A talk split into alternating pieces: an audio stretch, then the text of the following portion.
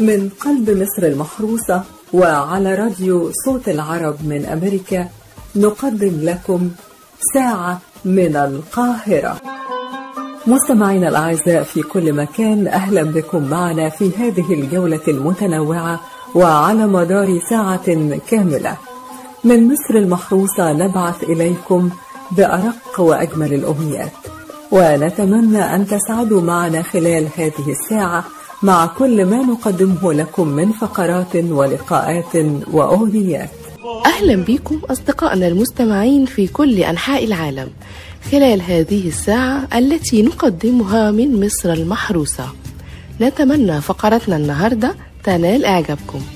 ونحب ننوه في البداية إن إحنا هنكون معاكم كل يوم اثنين وخميس من الساعة الخامسة للساعة السادسة مساء بتوقيت الساحل الشرقي للولايات المتحدة. سيداتي وسادتي أهلا بكم معنا في هذه الفقرة الإخبارية التي نقدمها لكم من القاهرة. يقرأها عليكم محمد عمر وفرح الأعصر الأمم المتحدة تتوقع أزمة في ظل مواجهة ملايين من العمال الأجانب الترحيل وأشارت منظمة العمل الدولية إلى أن ملايين من العاملين المهاجرين الذين فقدوا وظائفهم خلال جائحة فيروس كورونا يواجهون مستقبلا أليما في ظل تعرضهم لضغوط من أجل العودة إلى أوطانهم. وقال مسؤولون من المنظمة إن كثيرا من دول المنشأ تعاني بالفعل من البطالة والمشاكل الاقتصادية وليست مستعدة لاستقبال العائدين وطلبوا بالتحرك للحيلولة دون حدوث أزمة أخرى داخل أزمة فيروس كورونا. تحذير عشرة ملايين إصابة بكورونا والذروة لن تأتي بعد. فقد حذرت منظمة الصحة العالمية الأربعاء من أن عدد إصابات كوفيد 19 سيبلغ عشرة ملايين بحلول الأسبوع المقبل في وقت لم يصل فيه تفشي الوباء إلى الذروة. في بعض مناطق الأمريكيتين وقال المدير العام للمنظمة خلال الشهر الأول من هذا الوباء سجلت منظمة الصحة العالمية عشرة آلاف إصابة وخلال الشهر الماضي سجلت أربعة ملايين إصابة. نتوقع أن نصل إلى إجمالي عشرة ملايين إصابة الأسبوع المقبل. الصحة العالمية. ندعم قرار السعودية بشأن تقييد أعداد الحجاج. وقال مدير المنظمة إن قرار السعودية بتقييد أعداد الحجاج للحد من انتشار كورونا جاء بعد دراسات كافية. وكانت وزارة الحج السعودية قد أعلنت إقامة حج هذا العام 1441 هجرية بأعداد محدودة جدا لا تتجاوز عشرة آلاف شخص للراغبين في أداء مناسك الحج لمختلف الجنسيات من الموجودين داخل السعودية فقط. واشنطن تضاعف المكافأة.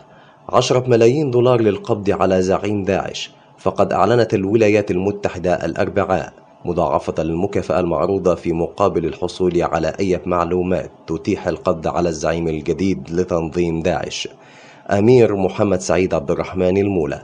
لتصل بذلك قيمة هذه المكافأة إلى عشرة ملايين دولار. الدفع بعناصر من الحرس الوطني لحماية المعالم الأثرية في واشنطن. وذكر المتحدث باسم الحرس الوطني في واشنطن كري كلابر الأربعاء أنه تم الدفع ب 400 من عناصر الحرس لحماية المعالم الأثرية بناء على طلب الحكومة الأمريكية. وأضاف كلابر أن تلك القوات على أهبة الاستعداد لدعم الشرطة في المواقع الأثرية الرئيسية لمنع أي تشويه أو تدمير. استكمال برنامج التعقيم الوطني في الإمارات حيث أعلنت الحكومة الإماراتية عن الانتهاء من استكمال برنامج التعقيم الوطني في مختلف أرجاء الدولة والسماح بحرية الحركة للمواطنين. كما أعلنت الحكومة أيضا السماح بحرية الخروج والعودة لكافة أفراد المجتمع بدون تقييد اعتبارا من أمس الأربعاء. العراق يسجل أعلى زيادة يومية لإصابات كورونا. قالت وزارة الصحة العراقية أمس الأربعاء إن العراق سجل 2200 إصابة جديدة بفيروس كورونا في أعلى زيادة يومية و79 حالة وفاة. وأضافت الوزارة أن الحالات الجديدة ترفع العدد الإجمالي للإصابات إلى 36702 حالة والوفيات إلى 1330 مصر إقرار الاستعدادات النهائية لاستقبال السياحة الوافدة حيث قالت وزيرة الصحة والسكان المصرية هالة زايد الأربعاء إنه تم الانتهاء من إرشادات الدخول الصحي الآمن لكافة القادمين من المناطق السياحية بمحافظات جنوب سيناء ومطروح والبحر الأحمر بالإضافة إلى وضع دليل استرشادي بضوابط استقبال السائحين القادمين إلى الفنادق في تلك المناطق. سد النهضة وأزمة ليبيا على رأس محادثات مصرية أمريكية. فقد بحث وزير الخارجية المصري سامح شكري ووزير الخارجية الأمريكي مايك بومبيو خلال اتصال هاتفي العلاقات الثنائية بين البلدين وعددا من القضايا الإقليمية والدولية. أبرزها سد النهضة والأزمة المستمرة في ليبيا.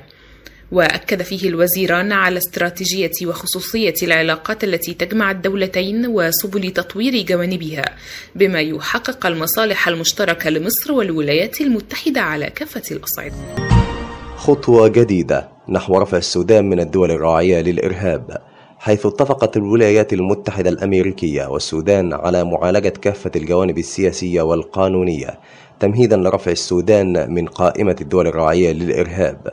وأكد بومبيو التزام واشنطن المستمر بدعم التحول الديمقراطي في السودان وحرصها على إنجاح مفاوضات السلام الجارية حاليا بين الحكومة السودانية والحركات المسلحة إضافة إلى جهود الإصلاح الاقتصادي والقطاع الأمني. لبنان.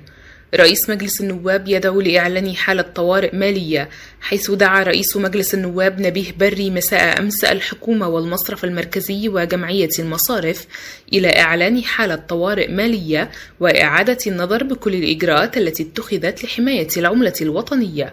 وقال بري إن انهيار سعر صرف الليرة أمام الدولار يفرض على الحكومة وعلى المصرف المركزي وعلى جمعية المصارف إعلان حالة طوارئ مالية وإعادة النظر بكل الإجراءات التي اتخذت لحماية العملة الوطنية. ونختتم هذه الفترة الإخبارية بهذا الخبر الرياضي ليفربول يقترب من تحقيق حلم ثلاثين عاما بالفوز بأربعة أهداف مقابل لا شيء ويقترب من إحراز بطولة الدوري. فقد اقترب ليفربول بشكل كبير من تحقيق الحلم الذي انتظره ثلاثين عاما وهو التتويج بلقب الدوري الإنجليزي الممتاز الغائب منذ 1990 بعد أن فاز بأربعة أهداف مقابل لا شيء على كريستال بالاس في أنفيلد ليلة أمس الأربعاء ليرتفع رصيده إلى 86 نقطة وليصبح على بعد نقطتين فقط من التتويج بلقب الدوري الإنجليزي. وبهذا الخبر نكون قد وصلنا إلى نهاية فقرتنا الإخبارية اليوم. قرأها عليكم محمد عمر وفرح الأعصر من قلب مصر المحروسة وعلى راديو صوت العرب من أمريكا ساعة من القاهرة. والآن حان موعدنا مع الفقرة الدينية والتي تدور اليوم حول قيمة الصحة والعافية والأمن والأمان في حياة الإنسان وهي نعم عظيمة لا يعدلها شيء في الدنيا. كما جاء في الحديث النبوي الشريف قال رسول الله صلى الله عليه وسلم من أصبح منكم آمنا في سربه معافا في بدنه عنده قوت يومه فكأنما حيزت له الدنيا بحذافيرها. صدق رسول الله صلى الله عليه وسلم. وحول المعاني الجليلة لهذا الحديث الشريف يدور اللقاء التالي مع فضيلة الشيخ أبو المعارف أحمد. أبو المعارف من علماء وزارة الأوقاف المصرية. الحمد لله وكفى وصلاة وسلاما على عباده الذين اصطفى وبعد. يقول الحبيب المصطفى صلى الله عليه وسلم من أصبح منكم آمنا في سربه معافا في بدنه عنده قوت يومه فكأنما حيزت له الدنيا بحذافيرها. وهذا الحديث ما أحوجنا أن نعلم الآن نعم الله عز وجل علينا. فالنبي المصطفى صلى الله عليه وسلم يقول من أصبح في ذلك اليوم فيه إشارة إلى أن المؤمن عليه ألا يحمل هم المستقبل فإن أمره بيد الله سبحانه وتعالى فهو الذي يدبر الأمور ويقدر الأقدار وعليه أن يحسن الظن بربه سبحانه وتعالى ويتفاءل بالخير.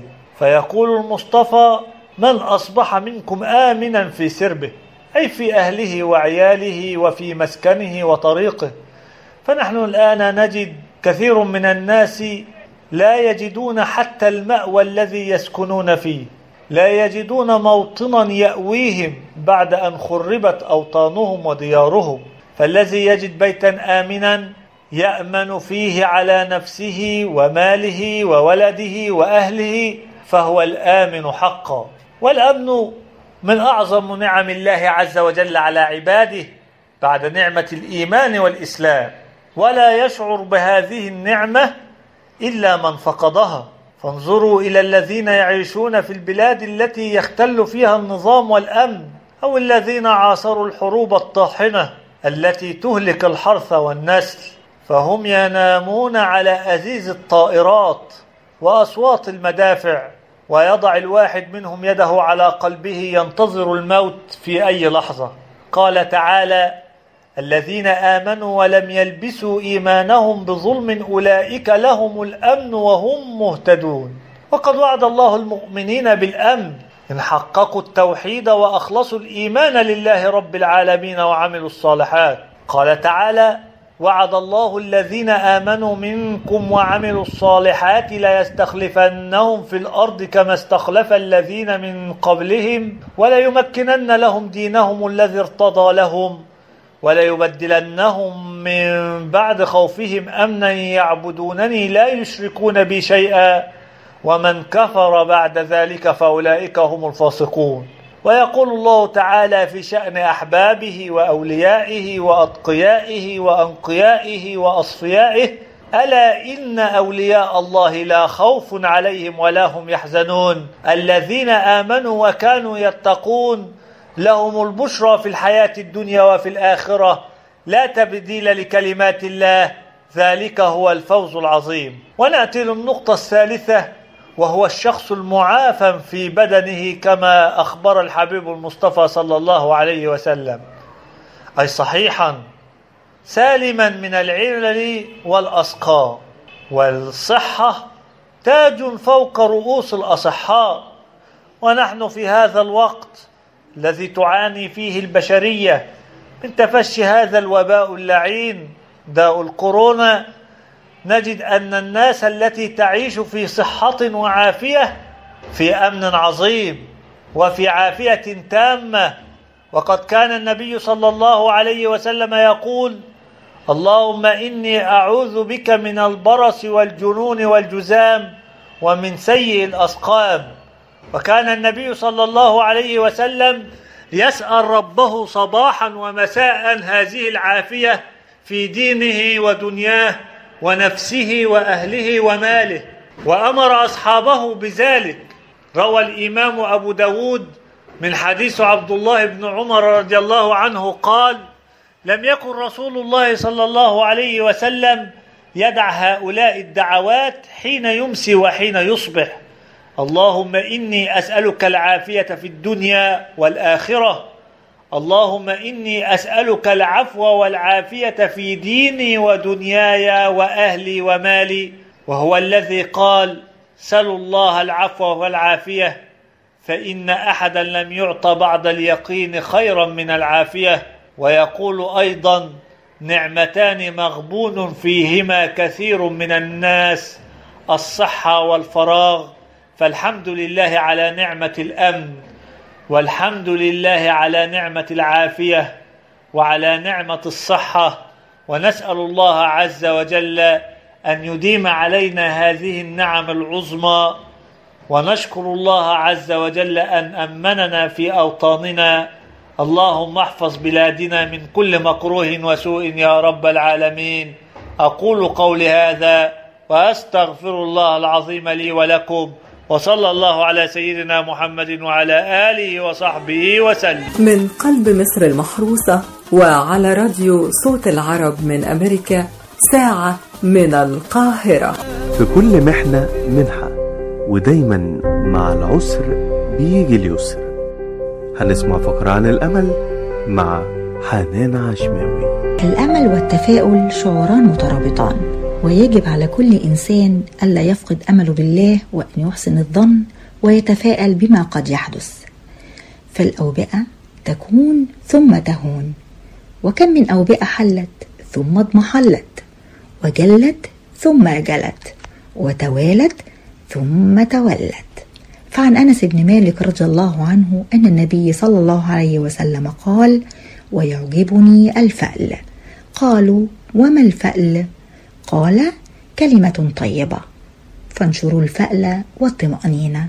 عن أبي هريرة رضي الله عنه أن رسول الله صلى الله عليه وسلم قال إذا عطس أحدكم فليضع كفيه على وجهه وليخفض صوته. صدق رسول الله. خمروا الوجه عن العطاس والسعال وغطوه بالمناديل ونحوها. لئلا يؤذي أحدكم جليسه بالنفاثة التي تخرج من فمه أو أنفه. طب إزاي أقدر أحمي نفسي من انتشار عدوى الكورونا؟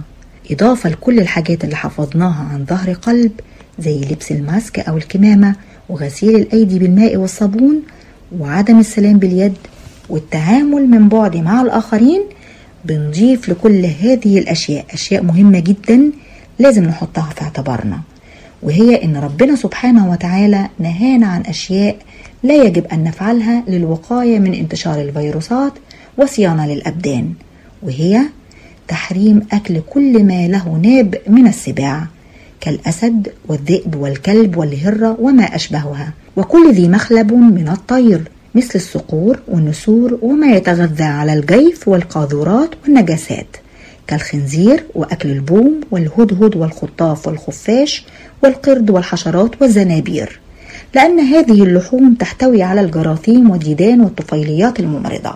هل هذه الأزمة مؤقتة؟ أيوة مؤقتة. زيها زي كتير من الأزمات اللي مرت علينا زي أزمة الطاعون والكوليرا وإنفلونزا الخنازير والطيور. كل هذه الأزمات عدت. لازم يكون عندنا أمل. الحياة بدون أمل لا قيمة ولا معنى لها. علشان ربنا سبحانه وتعالى أكرم مني ومنك. إحنا مسؤولين عن الجهد وربنا سبحانه وتعالى بيدينا النتائج أكتر من جهدنا لأن الله سبحانه وتعالى لا يتعظمه شيء. لازم يكون عندنا أمل إن الأزمة ستمر وسنتذكرها ويمكن كمان نسخر من بعض المواقف فيها. لو نظرنا لسيدنا يعقوب في سورة يوسف كان كل اللي حواليه عندهم قناعة مؤكدة إن يوسف ميت أو مفقود وإنه لا رجع له.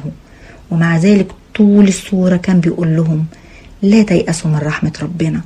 كان بيدعي ربنا ويقول له اللهم اجمعني به. وكان كل أولاده مستغربينه ومع ذلك ظل الأمل عنده موجود وملازمه طول الوقت. أنت كمان بقولك خلي عندك أمل ولو ضعيف. تعرفوا إن سورة يوسف سميت بأحسن القصص؟ عارفين ليه؟ علشان بدأت في بداية السورة بالأمل وانتهت بحقيقة وواقع. إحنا كمان لازم يكون عندنا أمل كبير إن هذه الأزمة ستنتهي وتمر وإن القادم أجمل بإذن الله ودي ثقتي بربي إن الأمل شيء جيد والأشياء الجيدة لا تموت أبدا فبرغم المآسي لا نملك إلا أن نبتسم فقد لا تساوي الحياة شيء لكن لا شيء يساوي الحياة. حمانا الله وإياكم من طوارق الأسواق ونوازل البلاء إلى اللقاء. من قلب مصر المحروسة وعلى راديو صوت العرب من أمريكا ساعة من القاهرة. أهلا بيكم أعزائي المستمعين وفي فقرتنا اللي يعيش يا ما يشوف هنتعرف على أهم الأماكن الغريبة والغير معروفة والظواهر الغير تقليدية المنتشرة في عالمنا.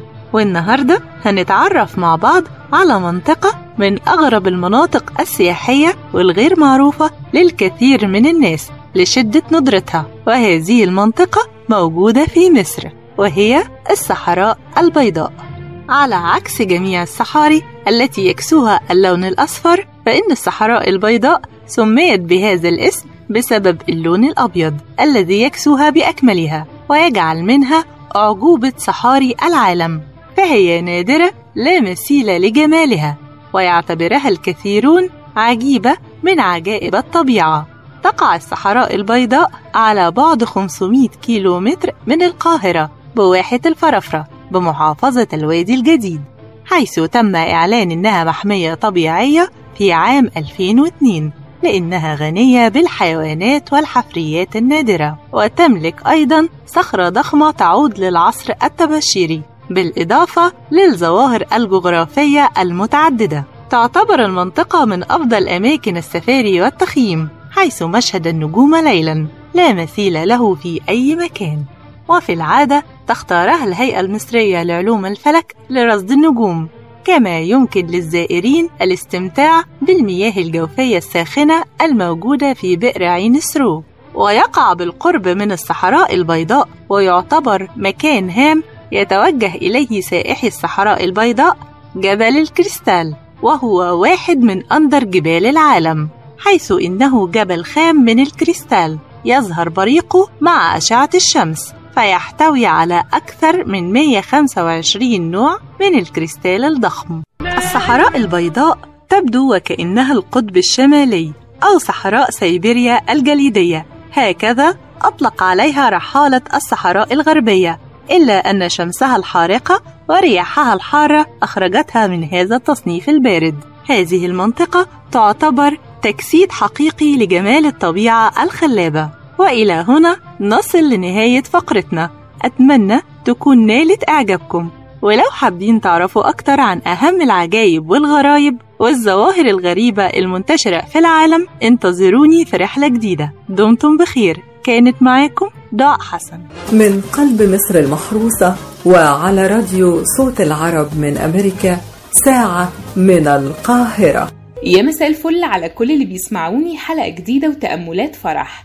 دايما بيوحشني الكلام معاكم وبستنى أسمع آرائكم وتعليقاتكم على الموضوعات اللي بنقدمها لكم. خليكم فاكرين إن تأملات فرح بتسمعوه ضمن فقرات برنامج ساعة من القاهرة على راديو صوت العرب من أمريكا. وباسم فريق ساعة من القاهرة دايما بنقدم لكم أرق تحية النهاردة أنا قررت أخليكم تفصلوا وأفصل معاكم عن كل الموضوعات الموترة اللي موجودة دلوقتي في كل حتة. social media شارع تلفزيون راديو كل حتة نروحها نسمع أخبار موترة.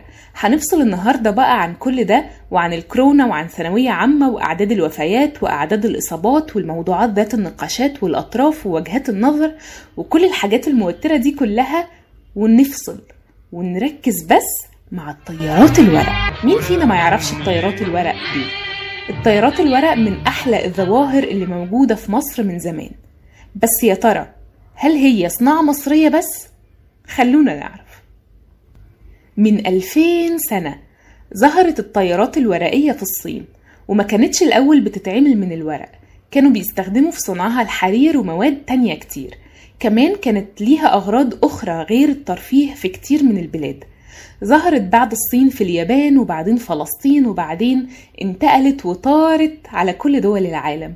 لما جت مصر بقينا بارعين في صنع الطيارات الورق. بنصنعها بأشكال كتير. وأحجام مختلفة وألوان متعددة. وكنا دايما نعرف المبتدئ من المتمكن من حجم الطيارة وطول الديل بتاعها. دايما كانوا الأطفال والشباب بيتجمعوا على السطوح بتاع العمارة وكانوا بيعملوا الطيارات الورق ويطيروها وكمان كانوا بيطيروا الحمام من العشش ويصفروا له ويرجع لهم. في أبسط من كده أو أحلى من كده حياة؟ دنيا مليانة حرية وسما ومنافسة لطيفة جدا وفي الآخر النتيجة مبهجة قوي لكل الأهالي ولكل الناس. وده نوع من أنواع ترفيه وكمان تضييع الوقت يعني بس بشكل لطيف قوي. كمان الأهالي كانوا بيتبسطوا جدا بصناعة الطيارات وبيعلموا ولادهم الأطفال إزاي يصنعوها.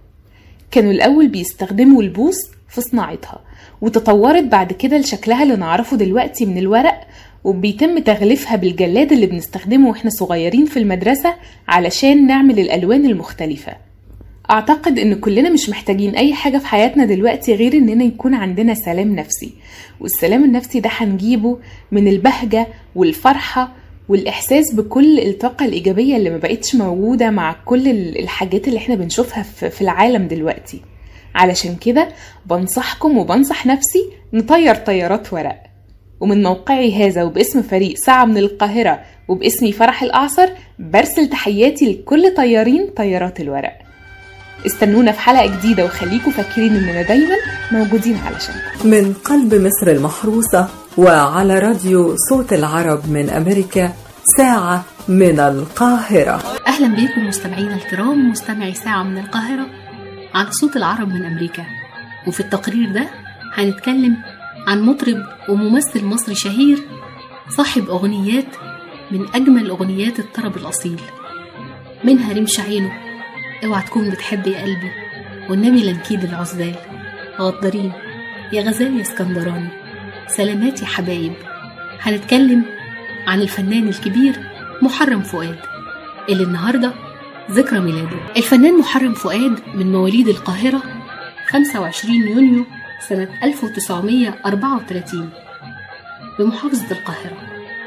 اتعرف عليه المخرج هنري بركات وقدمه في أول أفلامه حسن ونعيمة اللي كان عمره وقتها 25 سنة. ولحن ليه بليغ حمدي وفريد الأطرش وبعدين هو قام بالتلحين لنفسه واشتغل فترة في السينما اللبنانية وبعدين رجع لمصر واشتغل ملحن لنفسه والمطربين كتير من الوسط الفني. بلغ رصيد محرم فؤاد السينمائي 13 فيلم. أولهم حسن ونعيمة مع سعاد حسني ومحمود السباعي في سنة 1959 واتوالت عليه الأفلام وبلغ رصيده من الأفلام 13 فيلم. غير حسن ونعيمة لحن السعادة وداع يا حب نصف عذراء من غير معاد شباب طائش سلاسل من حرير ولدت من جديد عشاق الحياة وآخرها كان الملكة وأنا. قدم محرم فؤاد للمسرح الغنائي مسرحيتين. هما دنيا البيانولا للقشاط وللإذاعة قدم مسلسلين حب ونغم وحياة كامل الخلعي وبلغ رصيده الغنائي حوالي 900 أغنية منها 500 أغنية بين العاطفية والشعبية و400 أغنية وطنية لمصر والعالم العربي منها 20 أغنية لفلسطين. لدرجة إن البعض كان بيظن إن هو فلسطيني الأصل. ومن أشهر أغنياته رمش عينه تعب القلوب يا وحشني رد عليا. اوعى تكون بتحب يا قلبي والنبي لنكيد العزال.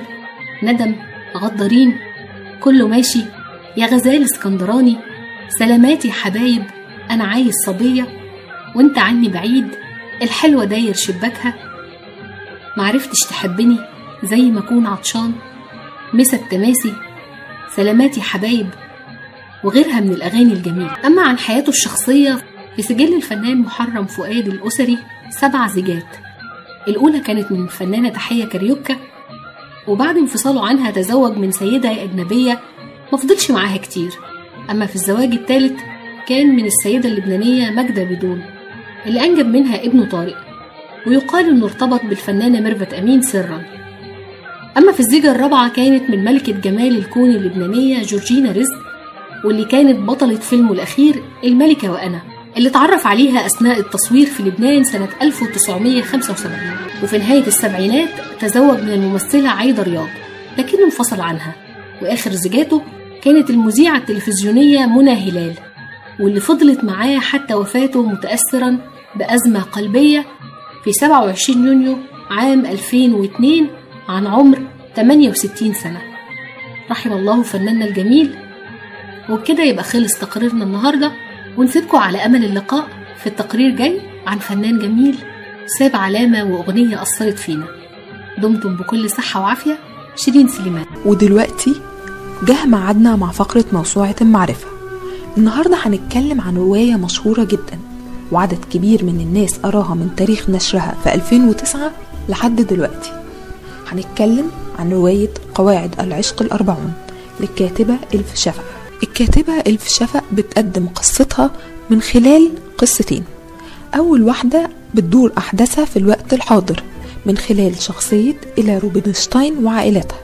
والقصة التانية بتدور أحداثها في القرن الثلاثة من خلال التقاء جلال الدين الرومي لصديقه الروحي شمس التبريزي. في القصة الأولى هنلاقي إلى وهي بطلة الرواية أمريكية عندها 40 سنة. مش بتشتغل وعايشة في حياة روتينية جدا وبتهتم لعائلتها جدا وعارفة إن جوزها بيخونها لكن هي ما قالتلوش. وعشان تكسر الروتين اللي هي عايشة فيه قررت تشتغل ناقدة أدبية في وكالة أدبية. ومن هنا بتبتدي القصة. أول رواية إلى بتبدأ تقراها عشان تقدم عنها تقرير هي رواية الكفر الحلو للكاتب عزيز زهارة. بتتفتن إلى بأحداث القصة اللي بتدور حول الحب والعشق والتصوف وبتعجبها جدا شخصية شمس التبريزي وجلال الدين الرومي. ومن خلال القصة بتدرك إلى أن قصة حياة الرومي مطابقة تماما لقصتها. قررت أن هي تاخد منها العبر عشان تغير مجرى حياتها وتكتشف في النهاية طريق الحرية كما فعل شمس التبريزي مع جلال الدين الرومي. لما هنتنقل لقصة جلال وشمس هنلاقي إن شمس التبريزي هو درويش متصوف في القرن ال 13 بيلف العالم عشان يدور على الشخص المناسب اللي هيعلمه دين العشق والحب. في نهاية المطاف بيقابل جلال الدين الرومي. جلال الدين الرومي هو رجل دين ناجح وخطيب محبوب ولكنه تعيس.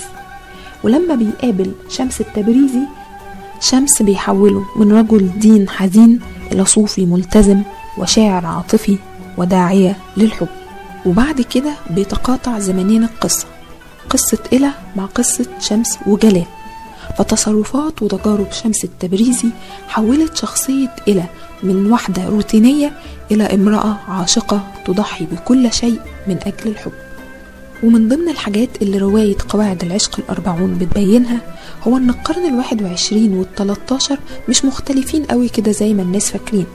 فالاتنين عصر صراعات دينية لحد كبير وفيهم سوء فهم وشعور بعدم الأمان والخوف من كل حاجة ومن كل شخص. وفي الأوقات اللي زي دي بتكون الحاجة إلى الحب أشد من أي حاجة تانية. أعزائي المستمعين أتمنى أنه يكون كتابنا النهاردة عجبكم. استنوني في فقرة جديدة وكتاب جديد من موسوعة المعرفة الحلقة الجاية إن شاء الله. كانت معكم من القاهرة ميرنا جوهر. من قلب مصر المحروسة وعلى راديو صوت العرب من أمريكا ساعة من القاهرة. أهلا بيكم أصدقائنا المستمعين. النهاردة 25 يونيو بيوافق ذكرى مولد واحدة من ملكات مصر اللي حملت في حياتها ثلاث ألقاب رفيعة لم تنلها سيدة أخرى في مصر وربما في العالم. لقب السلطانة لما تزوجت السلطان أحمد فؤاد الأول ولما أصبح ملك نالت لقب ملكة. ولما وصل ابنها الملك فاروق إلى العرش أصبحت صاحبة الجلالة الملكة الأم. كل اللي اقترب منها وصفها بأنها امرأة ساحرة صاحبة كاريزما وذكاء حاد. هي الملكة نازلي.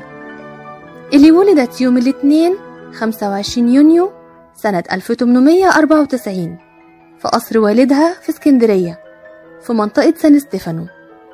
كان والدها عبد الرحيم باشا صبري. وزير الزراعة في ذلك الوقت. ووالدتها توفيقة هانم بنت محمد شريف باشا اللي يرجع نسبه إلى الأشراف. أرسلها والدها هي وأختها أمينة للدراسة في أوروبا ونشأت على التقاليد الأوروبية. وراحت باريس للدراسة وتعلم أصول الحياة الراقية. وده كان أمر غير معتاد للبنات في الوقت ده. كانت نازلي محبة للقراءة في الأدب الغربي. ولها شخصية ساحرة تختلف عن كل بنات جيلها. وكمان نشأت في بيت الأمة بيت الزعيم سعد باشا زغلول. كانت والدتها توفيقة هانم صديقة مقربة لصفية زغلول.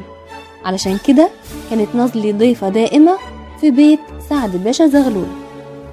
تزوجت الملكة نازلي بالملك فؤاد اللي كان أكبر منها بحوالي عشرين سنة. وعلشان كده كان شديد الغيرة عليها. كان بيخفيها داخل جدران القصر ويعين عليها الجواسيس لمراقبتها. وبعد وفاة الملك فؤاد سنة 1936 أحست نازلي بالحرية للمرة الأولى بعد ما عاشت سنين داخل جدران السجن الملكي. أنجبت الملكة نازلي خمس أبناء. هم الملك فاروق الأميرة فوزية الأميرة فائزة الأميرة فائقة والأميرة فتحية. لعبت الملكة نازلي دور كبير بعد وفاة الملك فؤاد في تولي الملك فاروق للعرش. علشان فاروق كان لم يبلغ السن القانونية اللي تمكنه من تسلم كامل سلطته الشرعية وده خلاها تطلب فتوى من الإمام المراغي بأنه يجوز للإنسان أنه يتصرف في أمواله لما يبلغ 15 عام من عمره. وبالفعل تسلم الملك فاروق حكم البلاد وهو في سن 17 عام. وفي عام 1946 قررت الملكة نازلي الرحيل عن مصر وأذن لها الملك فاروق بالسفر لفرنسا بحجة العلاج من مرض الكلى وبالفعل سافرت لسويسرا ومنها لفرنسا واستقرت فيها للعلاج عدة أسابيع لكن حالتها لم تتحسن فسافرت للولايات المتحدة للعلاج واصطحبت معها ابنتيها فائقة وفتحية وكل من كان معها في فرنسا. وعاشت الملكة نازلي في الولايات المتحدة الباقي من عمرها لغاية ما توفيت عام 1978 ودفنت في لوس أنجلوس وجسدت شخصيتها عدد من الأعمال الفنية منها مسلسل الملك فاروق فيلم امرأة هزت عرش مصر مسلسل ملكة في المنفى مسلسل أسمهان ومسلسل حوارب قصور. وفي نهاية الحلقة شكرا لكم مستمعينا الأعزاء. نرجو أن نكون قد أسعدناكم خلال هذه الساعة. انتظرونا في الحلقة القادمة بإذن الله وموضوعات جديدة دائما. ولكم تحيات أسرة فريق ساعة من القاهرة على راديو صوت العرب من أمريكا. شارك في هذه الحلقة من أسرة البرنامج محمد عمر فرح الأعصر شيرين سليمان دعاء حسن أميرة مدحت ميرنا جوهر. ولكم مني خالص تحياتي محمد صبري. مستمعينا الأعزاء وبكده نكون وصلنا بيكم إلى نهاية فقرتنا ورحلتنا النهاردة وعلى أمل أن يتجدد اللقاء معكم في حلقة قادمة ورحلة جديدة بإذن الله. ومن هنا من قلب القاهرة نرسل لكم بأرق أمنياتنا الطيبة بقضاء أجمل الأوقات. وهذه أرق تحياتي كان معكم من القاهرة مجدي فكري.